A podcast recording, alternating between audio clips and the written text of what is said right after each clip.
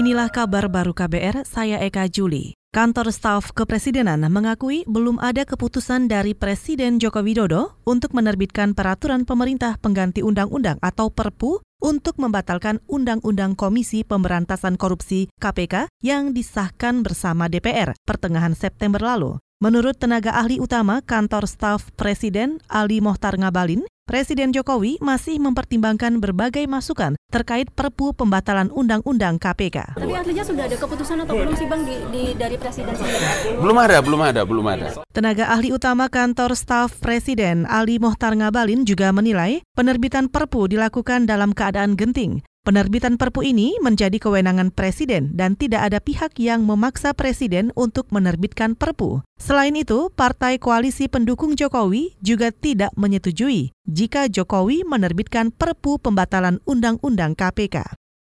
Saudara Lembaga Masyarakat di Bidang Lingkungan, Wahana Lingkungan Hidup Walhi mendesak Komisi Pemberantasan Korupsi menyelesaikan kasus dugaan suap pembangunan PLTU Cirebon II. Manajer kampanye energi dan perkotaan Walhi, Dwi Saung mengatakan, pengusutan dan pengungkapan kasus suap di PLTU Cirebon II selama ini masih di permukaan.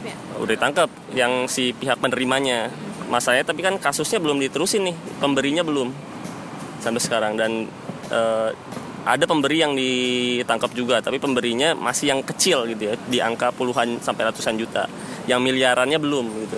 Ini kan miliaran, beda. miliaran beda beda. Jadi ini lebih gede gitu miliaran dan belum ditangkap. Dan selama persidangan eh, tidak ada satu pihak pun yang membantah menerima soal uang ini gitu Itu tadi manajer kampanye energi dan perkotaan Walhi Dwi Saung. Staf advokasi Wahana Lingkungan Hidup Walhi Jawa Barat Wildan Siregar juga berharap KPK masih on the track untuk melakukan pemberantasan korupsi di ujung-ujung masa jabatannya dan segera menaikkan status siapa saja yang menjadi tersangka kasus PLTU 2 Cirebon. Sementara dampak dari pembangunan PLTU 2 Cirebon yaitu pencemaran udara dan air termasuk dampak kesehatan kepada masyarakat yang berada di sekitarnya.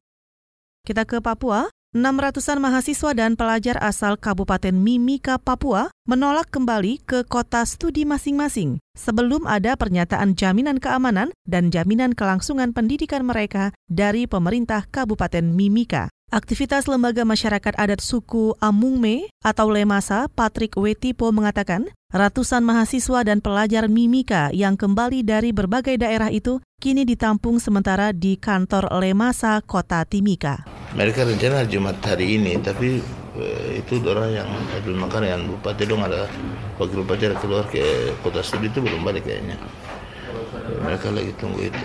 Aktivis Lembaga Adat Suku Amungme, Papua, Patrick Wetipo juga menambahkan, gelombang kepulangan terakhir mahasiswa dan pelajar asal Mimika terjadi beberapa hari lalu, di mana sekitar 70-an mahasiswa dan pelajar asal Mimika yang ada di kota Malang kembali ke kampung halamannya dan bergabung bersama ratusan temannya yang sudah duluan pulang dan ditampung sementara di kantor Lemasa. Kita ke berita olahraga. Pebalap Repsol Honda, Mark Marquez, mengalami kecelakaan hebat pada latihan pertama MotoGP Thailand 2019 pagi tadi. MotoGP menyatakan Marquez yang dilarikan ke rumah sakit Buriram, Thailand, mengalami sakit pada bagian kaki kiri dan punggung. Marquez mengalami kecelakaan hebat di tikungan 7 ketika latihan menyisakan 5 menit. Ia mengalami high side saat melewati tikungan ke-7 dan terpental. Bagi Marquez, hasil di MotoGP Thailand sangat penting karena jika mampu unggul 2 poin atas pebalap Ducati, Andrea Dovizioso, maka Marquez akan memastikan gelar juara dunia MotoGP 2019 di sirkuit Buriram, Thailand. Saudara demikian kabar baru, saya Eka Juli.